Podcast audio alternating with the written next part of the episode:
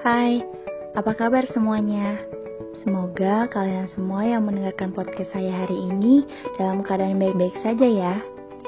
Udah nanya kabar tapi belum perkenalan. Perkenalkan, nama saya Syifa Aulia Mela Hapsari, mahasiswi pendidikan sosiologi dari Universitas Pendidikan Indonesia. Pada podcast ini, saya ingin berbagi sedikit ilmu nih tentang menerapkan perilaku hidup sehat dan bersih di era pandemi COVID-19. Jangan bosan dan jangan ngantuk ya. Selamat mendengarkan. Seperti yang kita ketahui, bahwa dunia termasuk Indonesia sedang dilanda wabah penyakit novel coronavirus atau yang bisa kita dengar dengan sebutan virus corona. Apa sih virus ini?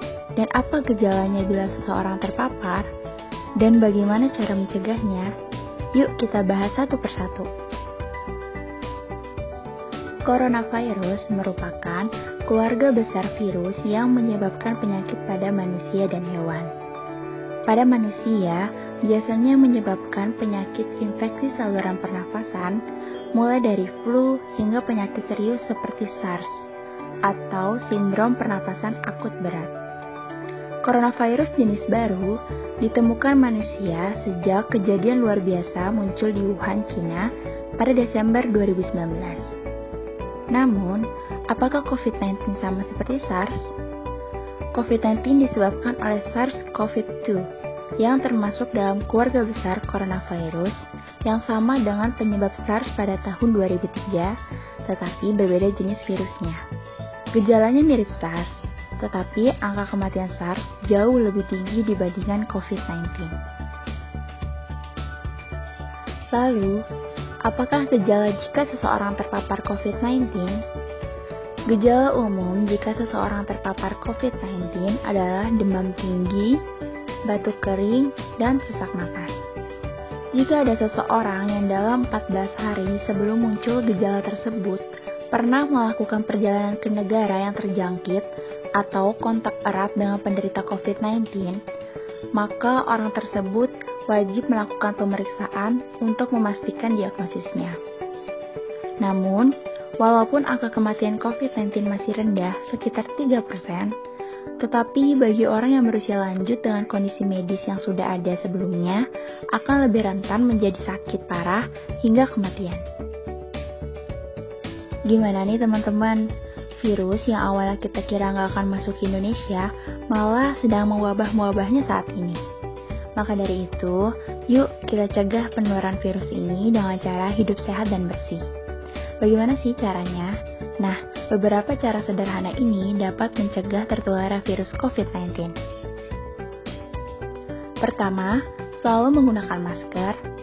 Selanjutnya, Pastikan dalam kondisi sehat ketika berpergian keluar rumah, menjaga jarak dengan orang lain minimal 1 meter, saat memasuki tempat umum seperti kantor, mall, dan restoran, usahakan mencuci tangan terlebih dahulu dengan sabun dan air yang mengalir selama 20 detik. Usahakan menggunakan kendaraan pribadi, membayar apa pun secara non-tunai, dan apabila menerima uang dari orang lain, segera gunakan hand sanitizer atau cuci tangan sesudahnya. Selalu bersihkan meja kerja atau meja makan dengan disinfektan. Kurangi menyentuh wajah atau mengucek mata dengan tangan. Gunakan tisu bersih jika diperlukan. Saat tiba di rumah, segera mandi dan mencuci pakaian yang dipakai di luar.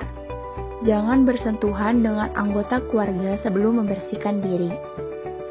Jika dirasa perlu, Bersihkan handphone, kacamata, tas dengan disinfektan secara berkala.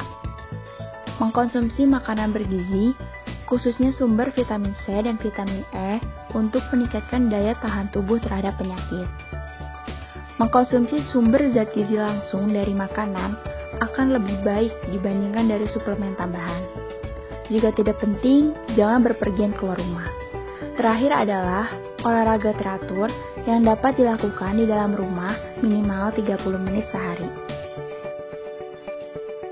Perlu dimengerti, janganlah kita stres dan cemas terhadap situasi saat ini. Tetaplah tenang dan jangan panik.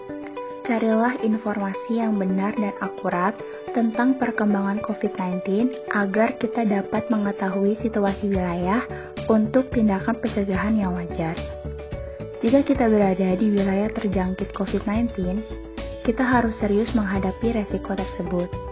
Selalu jaga kesehatan dan perhatikan informasi juga saran dari pihak kesehatan yang berwenang. Kita tidak pernah tahu kapan virus corona ini berhenti dan kehidupan kembali menjadi normal. Namun, dengan menerapkan pola hidup sehat dan bersih, kita bisa hidup bernamai dan berdampingan dengan virus corona. Yang paling terpenting adalah kita ikut berperan secara aktif untuk memutuskan penyebaran virus corona. Dengan demikian, kasus virus corona dapat menurun hingga hilang selamanya. Mari bersama-sama melakukan hal kecil dari rumah demi kebaikan dan kesehatan bersama. Nah, segitu dulu nih ilmu yang bisa saya sampaikan. Semoga ilmu ini dapat bermanfaat bagi kalian yang mendengarkan.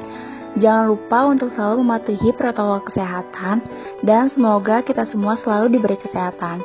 Sampai jumpa lagi.